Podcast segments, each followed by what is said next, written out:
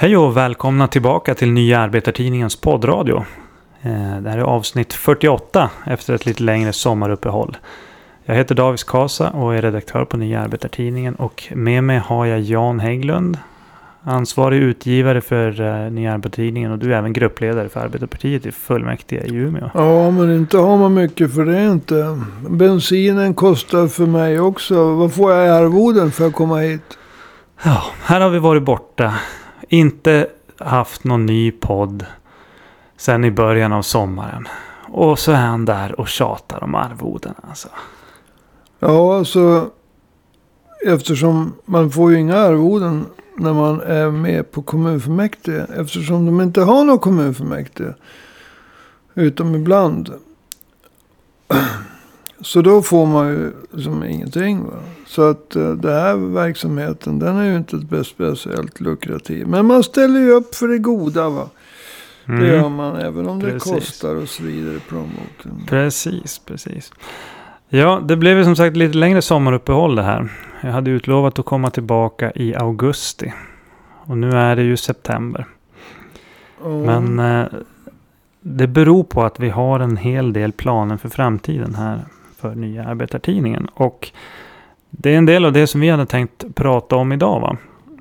Eh, vi har ju påbörjat ett projekt för att nå 1500 prenumeranter eh, på en riksspridd veckotidning fram till slutet av nästa år. Och eh, ja, du som lyssnar får ju gärna, jag kan ju säga det redan nu, du får ju gärna ta en prenumeration på Nya Arbetartidningen om du inte redan har en sån. Ja, det är ju inte bara riksspridd vi satsar på utan en veckotidning också. Precis, så det kommer bli mer och oftare. Mm. Tidning. Så att det, det är bra att hoppa på tåget redan nu så får du följa med i hela eh, Vad var det du sa chefredaktören hette? Ja, chefredaktör vet jag inte, men vi har ju en ansvarig utgivare som ja, heter Jan Hägglund. Ja, ja, just det.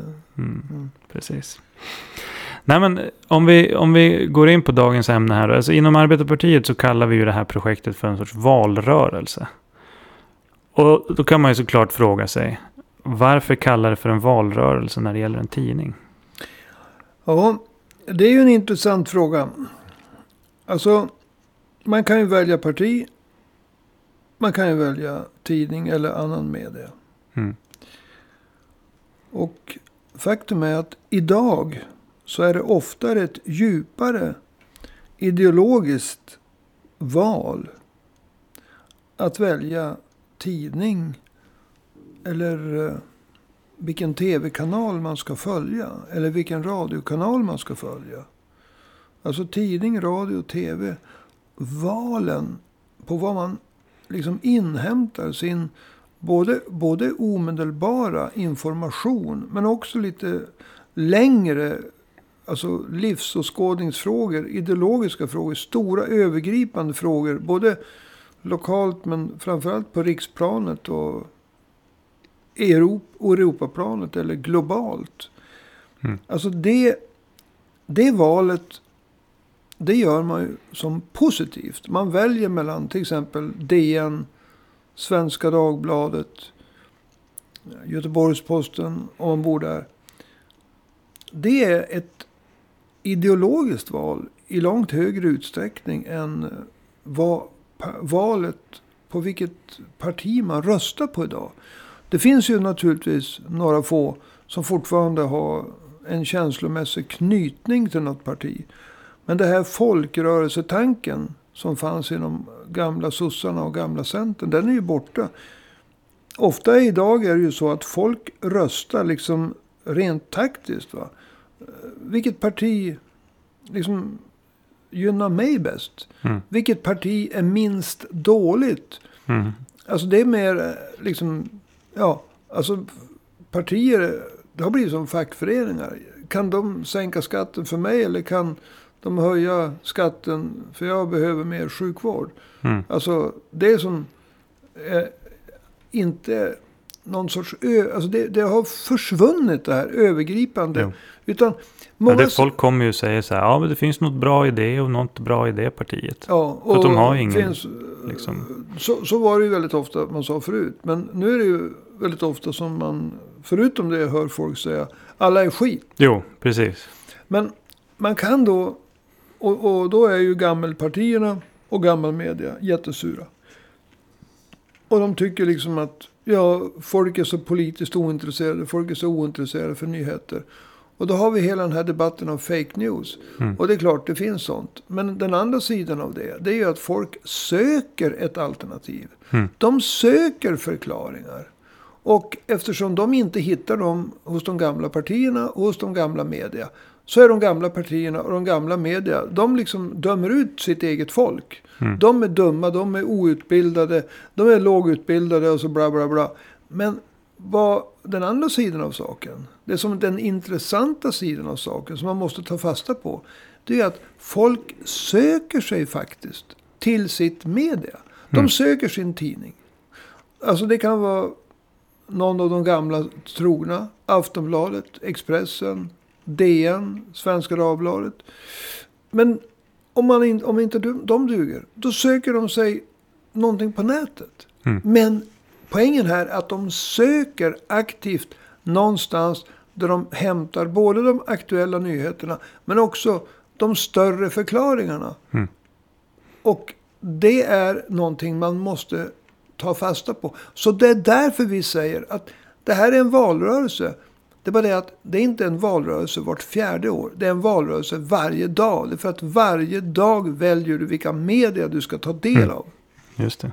Det där är ju en, en, en eh, säkert en ny tanke för många. För att många tänker ju så här. Det är ju partierna som står för politik och ideologi.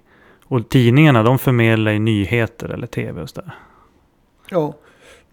Är det, inte så, är det inte så det är tänkt att det ska vara? Liksom? Ja, någon gång på när boktryckarkonsten och Gutenberg var igång va. Och så var det ett tag efter också.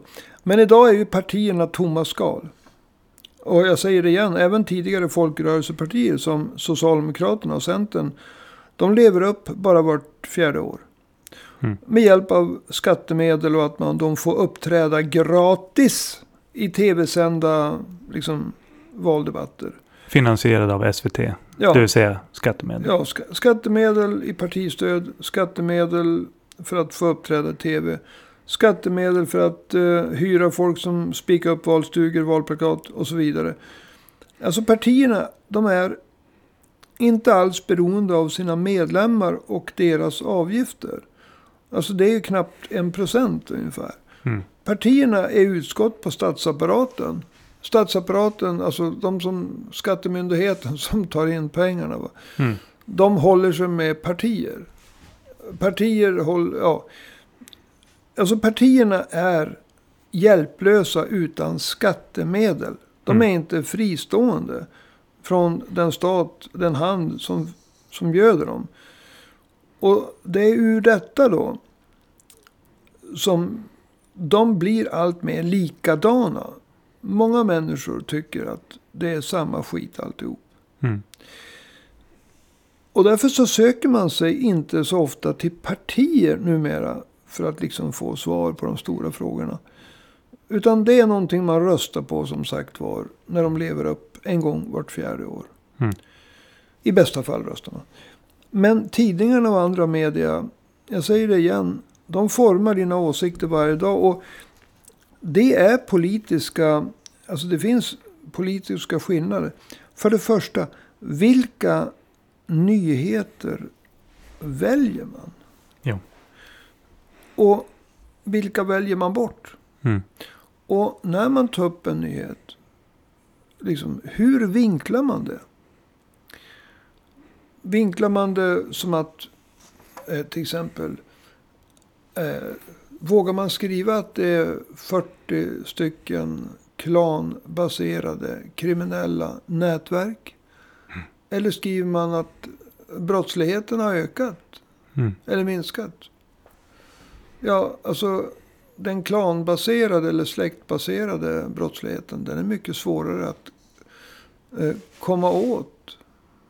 Än om det vore lika många mot varandra fristående individer. Alltså det, det, är sådana här saker va, som folk vill ha svar på. Mm. Och de media som då är, allt politiskt korrekta. Som liksom inte vågar bryta ner det hela och tala sanning. de tappar. Va? Mm. Så att. Sen har du du naturligtvis fortfarande speciella ledarsidor i tidningarna. Och de ska ju vara politiskt färgade. Men jag tror att det är mer alltså. Ledarsidorna, de kan vara tråkiga att läsa. Mm. Ja, det är inte så många som läser dem oftast. Nej, utan det är det allmänna nyhetsflödet. Mm. Hur, vilka tar man, saker tar man upp? Hur tar man upp det? Och hur stort utrymme för olika saker. va? Så att eh, det, det du menar egentligen det är att det, det är ju inte egentligen partierna utan det är tidningarna som så att säga skapar politiken idag. Ja, det är på två sätt. Jag tror att det är hos media. Gamla media, papper, prassel, na, välkända namn. Aftonbladet, Expressen, Dagens Nyheter, Svenska Dagbladet. Och nya nätaktörer inom mediala branschen. Det är de som påverkar folk. Mm. I en sorts brytningstid. När det har kommit upp en rad nya frågor på dagordningen. Som liksom. Det handlar om invandring. Och så utifrån det så har det kommit en rad andra frågor. Som parallella samhällsstrukturer. Och så vidare. Mm. Och det är de explosiva frågorna. Det har varit de frågorna som hade diskuterats. Alltså som verkligen har, har diskuterats. Så de Jo, gamla... Och som först inte fick Nej, diskuteras. och de gamla media, de har tappat precis som de gamla partierna. Mm. Därför att de inte vågat ta upp dem. Och därför har nytt parti, alla vet att jag talar om SD, haft gigantiska framgångar. Mm. De, det finns ingenting som motsvarar deras framgångar. För de andra vill inte ta på dem. Men det Mm. finns en motsvarande rörelse inom media. Alltså att eh, det finns jättemånga som läser alternativ media Mm. eh, på nätet. Och som SD har kunnat rida högt på. Jo, precis. Och även, eh, vad heter det, nazisterna i Nordiska motståndsrörelsen är ju medvetna om det här. Och försöker vinna ungdomar. Men finns det något mer sätt som tidningarna påverkar politiken? Alltså mer än att sprida åsikter. Ja, alltså det finns ju en sorts, vad säger jag, eh, pers personkopplingar. Alltså, Mm. vad är det man säger? Person... Eh, personkoalition, nej det är fel ord. Personunion brukar Ja. man prata om på medeltiden. Det, det nej, giftes in olika kungliga dynastier. Alltså, medeltiden, alltså under min tid. Och visst är jag gammal men jag var inte med på medeltiden. Nej men alltså det, det är ju en personalunion. Personalunion, ja precis.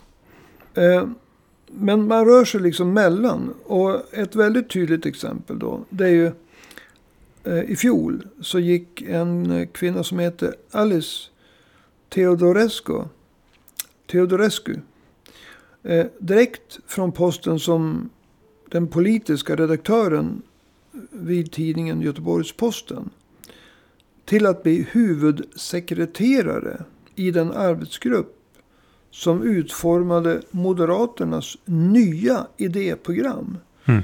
Alltså, hon gick från Göteborgs-Posten, där hon jobbar med politik, till att få uppenbarligen en väldigt tung post när det gäller hur Moderaternas framtida idéer som ska ligga till grund för deras framtida handlingsprogram, alltså konkreta förslag, ska utformas. Och det är ju ett väldigt tydligt exempel på hur stor betydelse som media har för utvecklingen av politiken. Eh, I hennes fall så handlar det om alltså att personer från en inflytelserik tidning går in i Moderaterna och vässar det partiets politik. Till Mm. exempel när, det- när det gäller kriminella. Kritiken mot kriminella klaner, islamistiska riktningar. Jag kan tänka mig att det, alltså de har ju Mm. blivit mycket mer aktiva. Jo, och den här Teodorescu har ju varit mycket inne i sådana frågor. Ja, och, och man märker ju att Moderaterna under Fredrik Reinfeldt, de var ju ungefär lika gäspiga kring de här frågorna som, Socialdemokraterna var. Ja, precis. Men nu har ju Moderaterna ryckt. Och det finns ju inga som kan kräva fler poliser fler gånger i veckan än Moderaterna. Nej, inte, de är... inte ens SD va? De är SD de bara vill sänka utbildningskraven på poliserna. Ja. Så att eh, det, det, är ju... Men det, det, funder, fungerar ju också i motsatt riktning. Mhm. Om man tar PK Media, Aftonbladet. Mm, ja, de är den största kanske. Ja. Aktören inom den branschen. Ja, de är En av. väldigt PK. Och eh, för dem har ju under lång tid allting som inte har passat in i gamla mallar varit eh, främlingsfientliga, invandrarfientliga, rasistiska och ja, brunt. Mm. Och de har ju definitivt spelat en roll i att hindra Socialdemokraterna från att ta itu med de krafter som vill skapa parallella samhällsstrukturer i strid med grundlagarna. Alltså, det gäller ju både kriminella nätverk och inte muslimer i allmänhet utan islamister. Mm. Muslimska brödraskapet och wahhabitiska salafister. För Mm. att ta två exempel. Just det. Alltså Aftonbladet är ju som en fraktion inom det man förr i tiden kallade för arbetarrörelsen. Mm.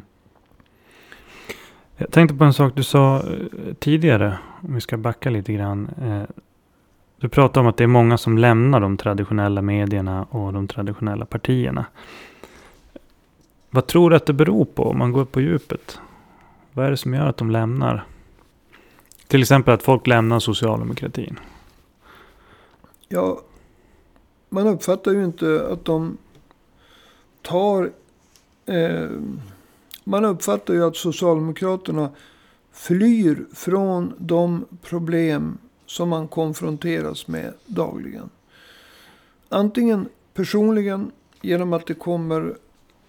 Eh, om om man tar liksom byggbranschen och transportbranschen. De var ju de första som drabbades av lågpris. Alltså Låglönekonkurrens. låg lönekonkurrens. Alltså det, det är många, många industrier som har flyttat sin verksamhet utomlands. Eh, alltså man investerar. Sverige, när vi gjorde en undersökning. Jag tror det var från åren 2000. 2000 eller 2001 till 2010 va? ja. Någonting sånt. Och det var inget land som investerade så mycket av sina vinster utomlands som Sverige. Så att väldigt mycket av den svenska industri, industrin, alltså vinster som kommer från den svenska produktionen återinvesteras utomlands. Och då försvinner jobb, Mm. arbetstillfällen. Men det är svårt att bygga svenska hus i Kina. Mhm. Eller Brasilien, eller USA, eller Mexiko. Så att det är också svårt att fra- frakta mjölk inom Sverige. Någon annanstans än i Sverige. Mhm. Och då har det ju kommit eh, alltså låglönearbetskraft till Sverige. Och trängt in framförallt i transportbranschen och byggnadsbranschen. Det var där det först gjorde sig gällande. Mm. Och de här frågorna, de, om man inte drabb, drabbas själv så, så känner man sig hotad. Och när inte Socialdemokraterna, som ska vara ett arbetarparti, kan ta tag i de här frågorna. Ja, då, då uppfattar man att man, då måste man vända sig till något annat parti. Som SD.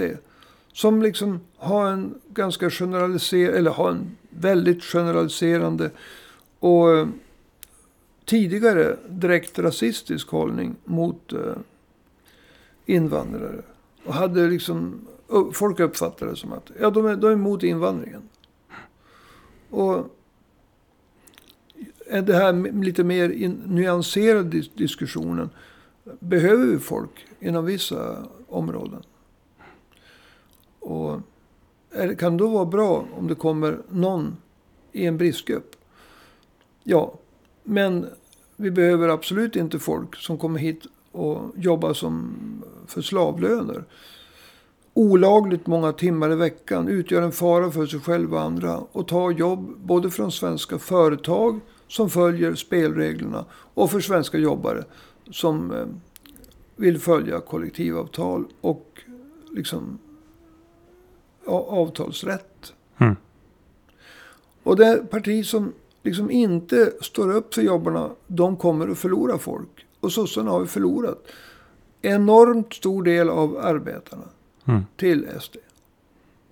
Och då säger jag med media också.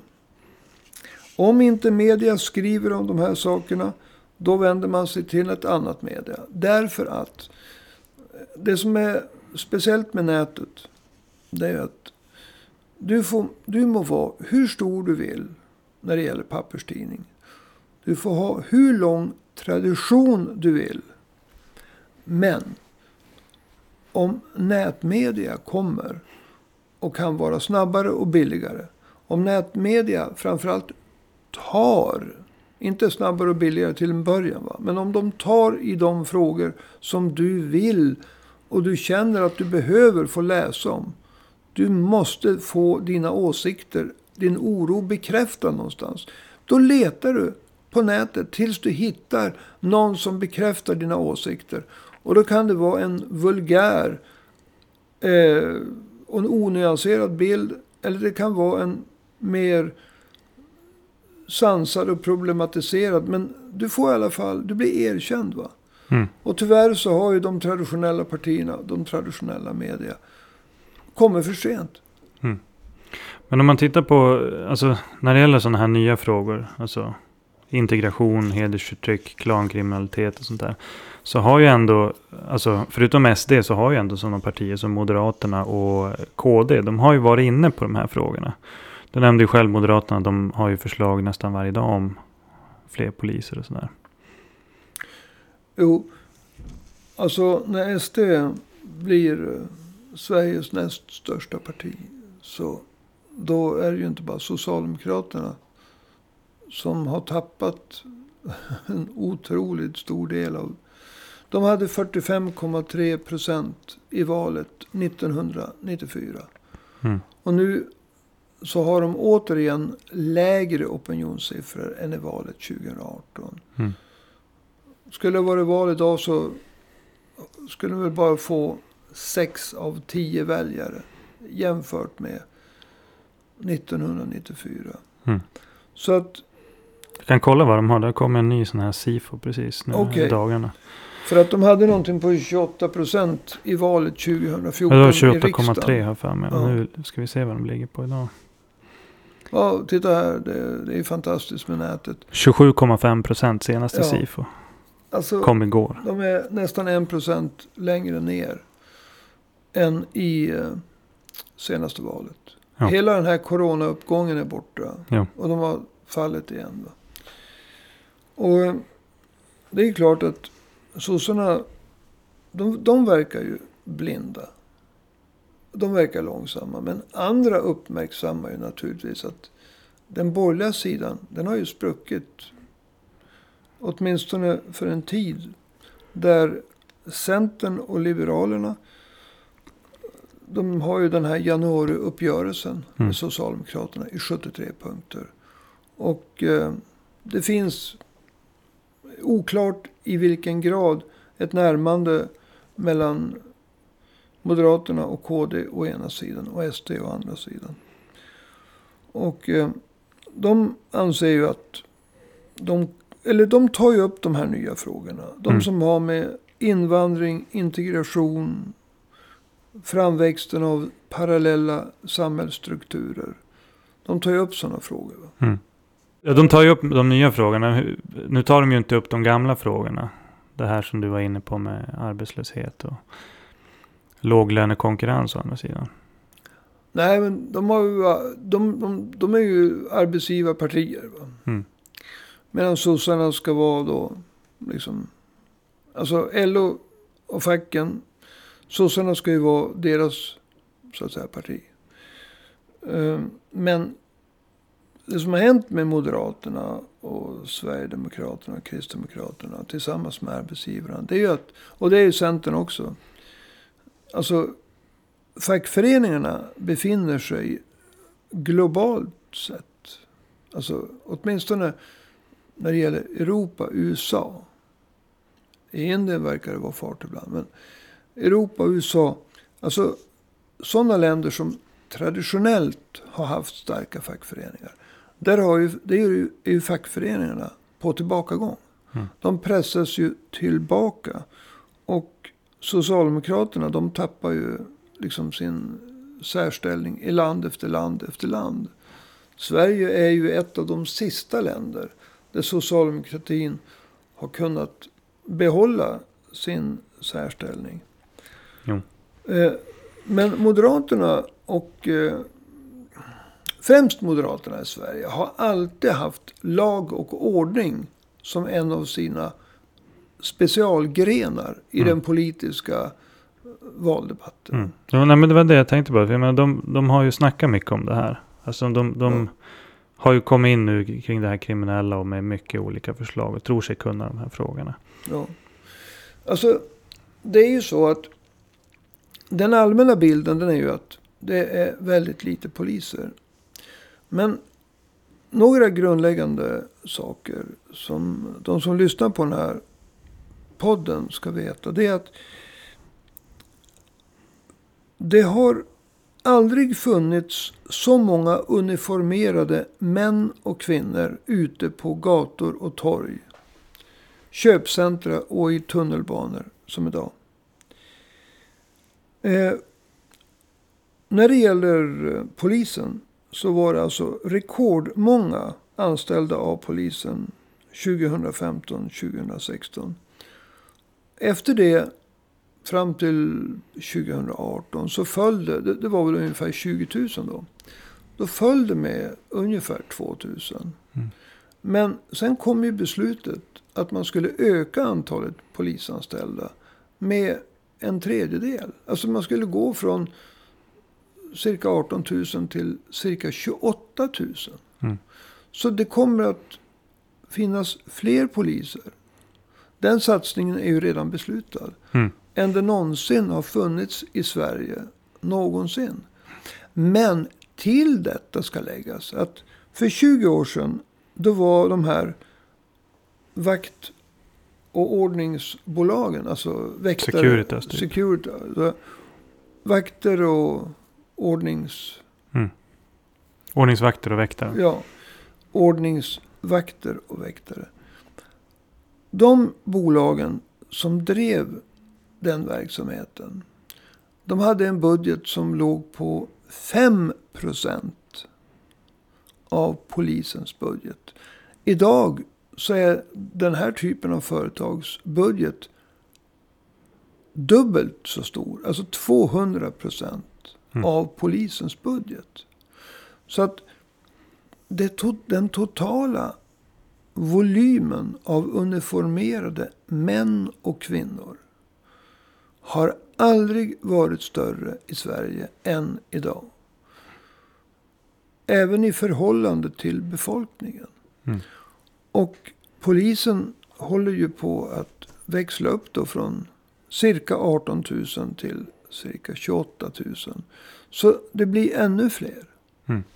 Så du menar att det är ett ganska tomt krav det där på fler poliser? Ja, alltså det bygger på en myt som etablerades någon gång på, ja, alltså i början på det här millenniet. Mm. Och som har levt vidare. Att det har funnits så få polisanställda. Men det är alltså inte sant. Utan det var alltså en rekord på nästan 20 000 poliser. Eller polisanställda. Åren, jag tror det var 2015 och 2016. Mm. Sen föll det med cirka 2 000. Men sen ska det nu öka med 10 000. Och sen den här enorma expansionen av företag som Securitas. Med ordningsvakter och väktare. Mm. Som alltså har en budget som är dubbelt så stor som polisens. Och det innebär att det finns alltså fler män och kvinnor i uniform. På gator och torg, i tunnelbanestationer och utanför köpcentra. Än det någonsin har funnits.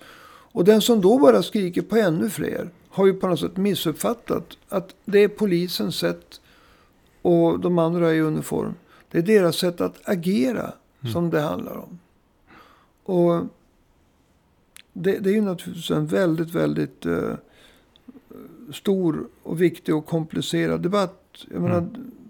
vi Vi inte, kanske ska återkomma till det här egentligen i Ja. en senare podd. Men jag tycker att innan vi avrundar för idag så jag skulle vilja att du kommer in lite grann också på vad som är Nya Arbetartidningens roll i det här alltså, läget.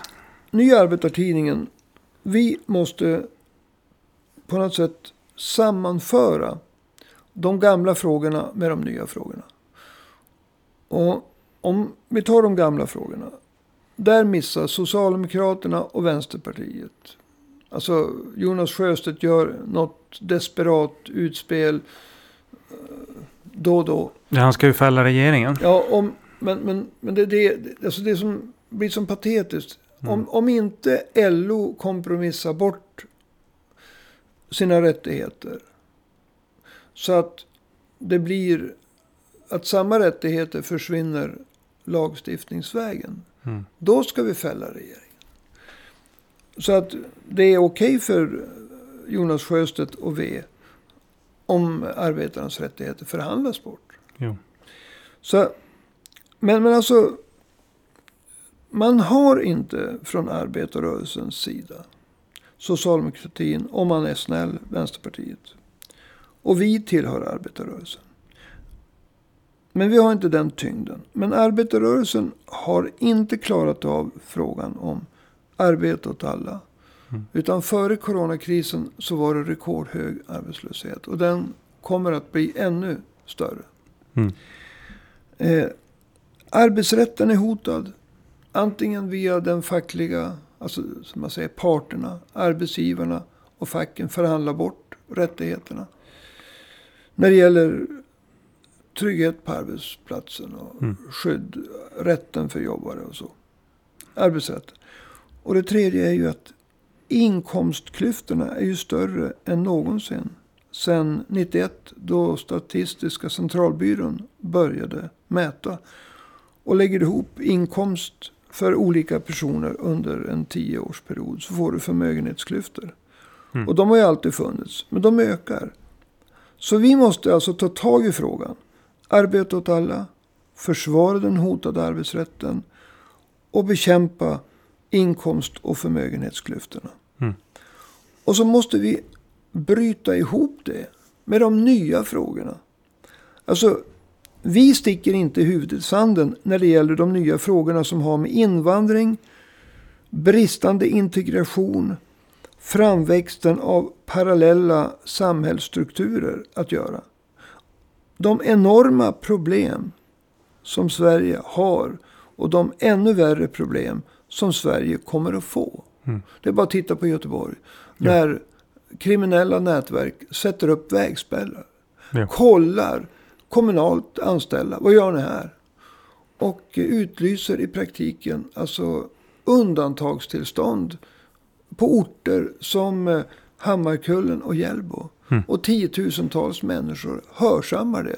Därför att det pågår gängkrig. Och ingen vill ju ha sitt barn skjutet. Så man stannar hemma och tar inte ungen till dagis.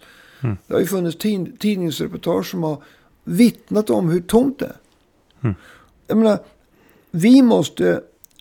Vi, vi har en politik i de här frågorna. Vi är inte för fri invandring.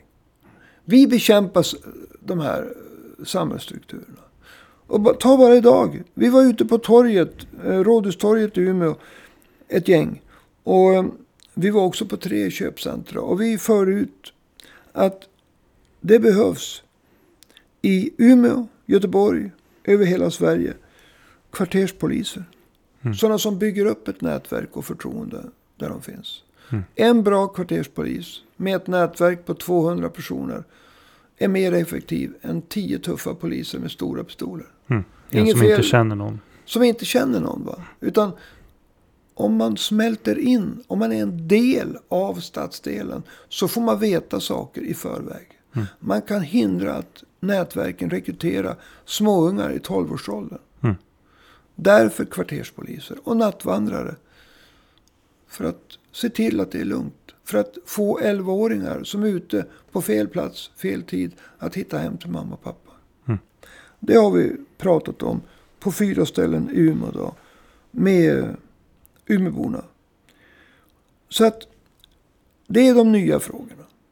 Och vi tänker föra fram, alltså föra ihop ett program för de gamla frågorna och de nya frågorna.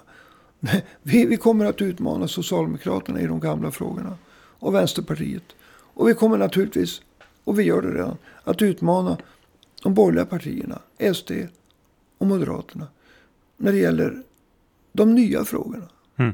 Vi vet, det jag har suttit och pratat om, om statistiken, behovet av nattvandrare, kvarterspoliser. Det är ingenting som de för fram. De kör bara fler poliser, hårdare straff.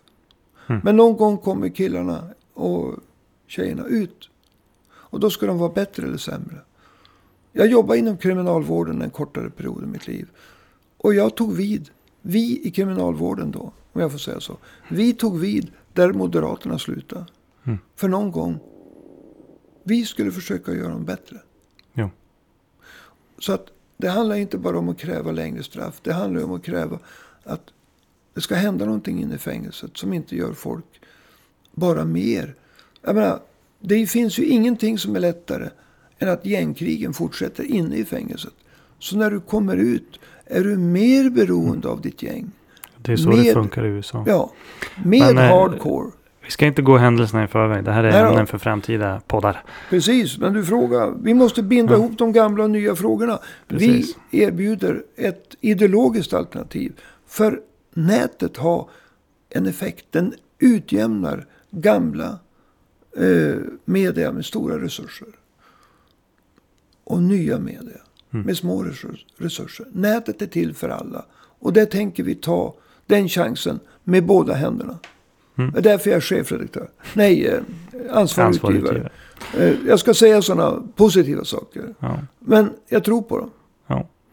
All right, men då ska vi ta avrunda för idag. Jag hör att du börjar eh, vara slut på din röst också. Ja, jag har stått på torget och pratat med Ja. både dumma och mindre dumma personer. Och en del riktigt eh, trevliga och smarta. Ja. Jo, nej, det var ett roligt eh, torgmöte. Även om det var ett gäng personer där i början som eh, trots att vi hade torgmötestillstånd var väldigt arroganta. Spelade musik och sa åt oss att ringa polisen om de ville ha bort oss. Ja, det gjorde vi. Men polisen kom inte så vi körde bort dem själv. Ja, precis. Ja, och det får man inte säga i radio. Nej, men så var det. Men vi, så vi sa inte det. Nej, jag har inte sagt något sånt. Nåväl, eh, tack för att du har lyssnat på detta nya avsnitt av vår poddradio. Kära lyssnare. Jag får tacka så mycket också till dig Jan Hägglund. Jo då. För att du liksom skavde med på rösten här. eh, Efter då, att ha stått på torget. då. Det, det är ju de här arvodena. Mm. Jo, när vi tar upp dem sen. Jag minns inte vilket avsnitt det var. Jag tror 278 eller någonting sådär. Då kommer vi diskutera bara dina arvoden. Bra. Ja. Eh, du som lyssnar som eh, vill redan nu eh, skänka en slant till Jannes arvoden. Eh, kan ju swisha den. Vi har ju ett swishnummer. Det är 123 504 7105. Alltså 123 504 7105. Och du kan ju märka ditt swishbidrag med Jannes arvode. Om du hör till eh, de som tycker att Janne ska ha arvoden för att sitta här. Och du kan märka det med stöd till podden. Om du tycker att det ska gå till sådana saker som att investera i nya mikrofoner eller eh, trevligare hörlurar eller ja, sådana saker. Mm, just det. Nåväl. Eh, nu när vi har kommit igång så ska vi försöka komma ut som vanligt en gång i veckan på lördagar. Och vi hoppas kunna hålla det eh, trots att vi har det här projektet för att värva 1500 prenumeranter och att bli en veckotidning. Och för att avsluta Har du inte en prenumeration så ta en prenumeration. Det är bara 30 kronor i månaden. Och du får mycket bra. Jag heter David Skasa. Du har lyssnat på Nya Arbetartidningens poddradio och vi hörs igen nästa vecka. Hej då!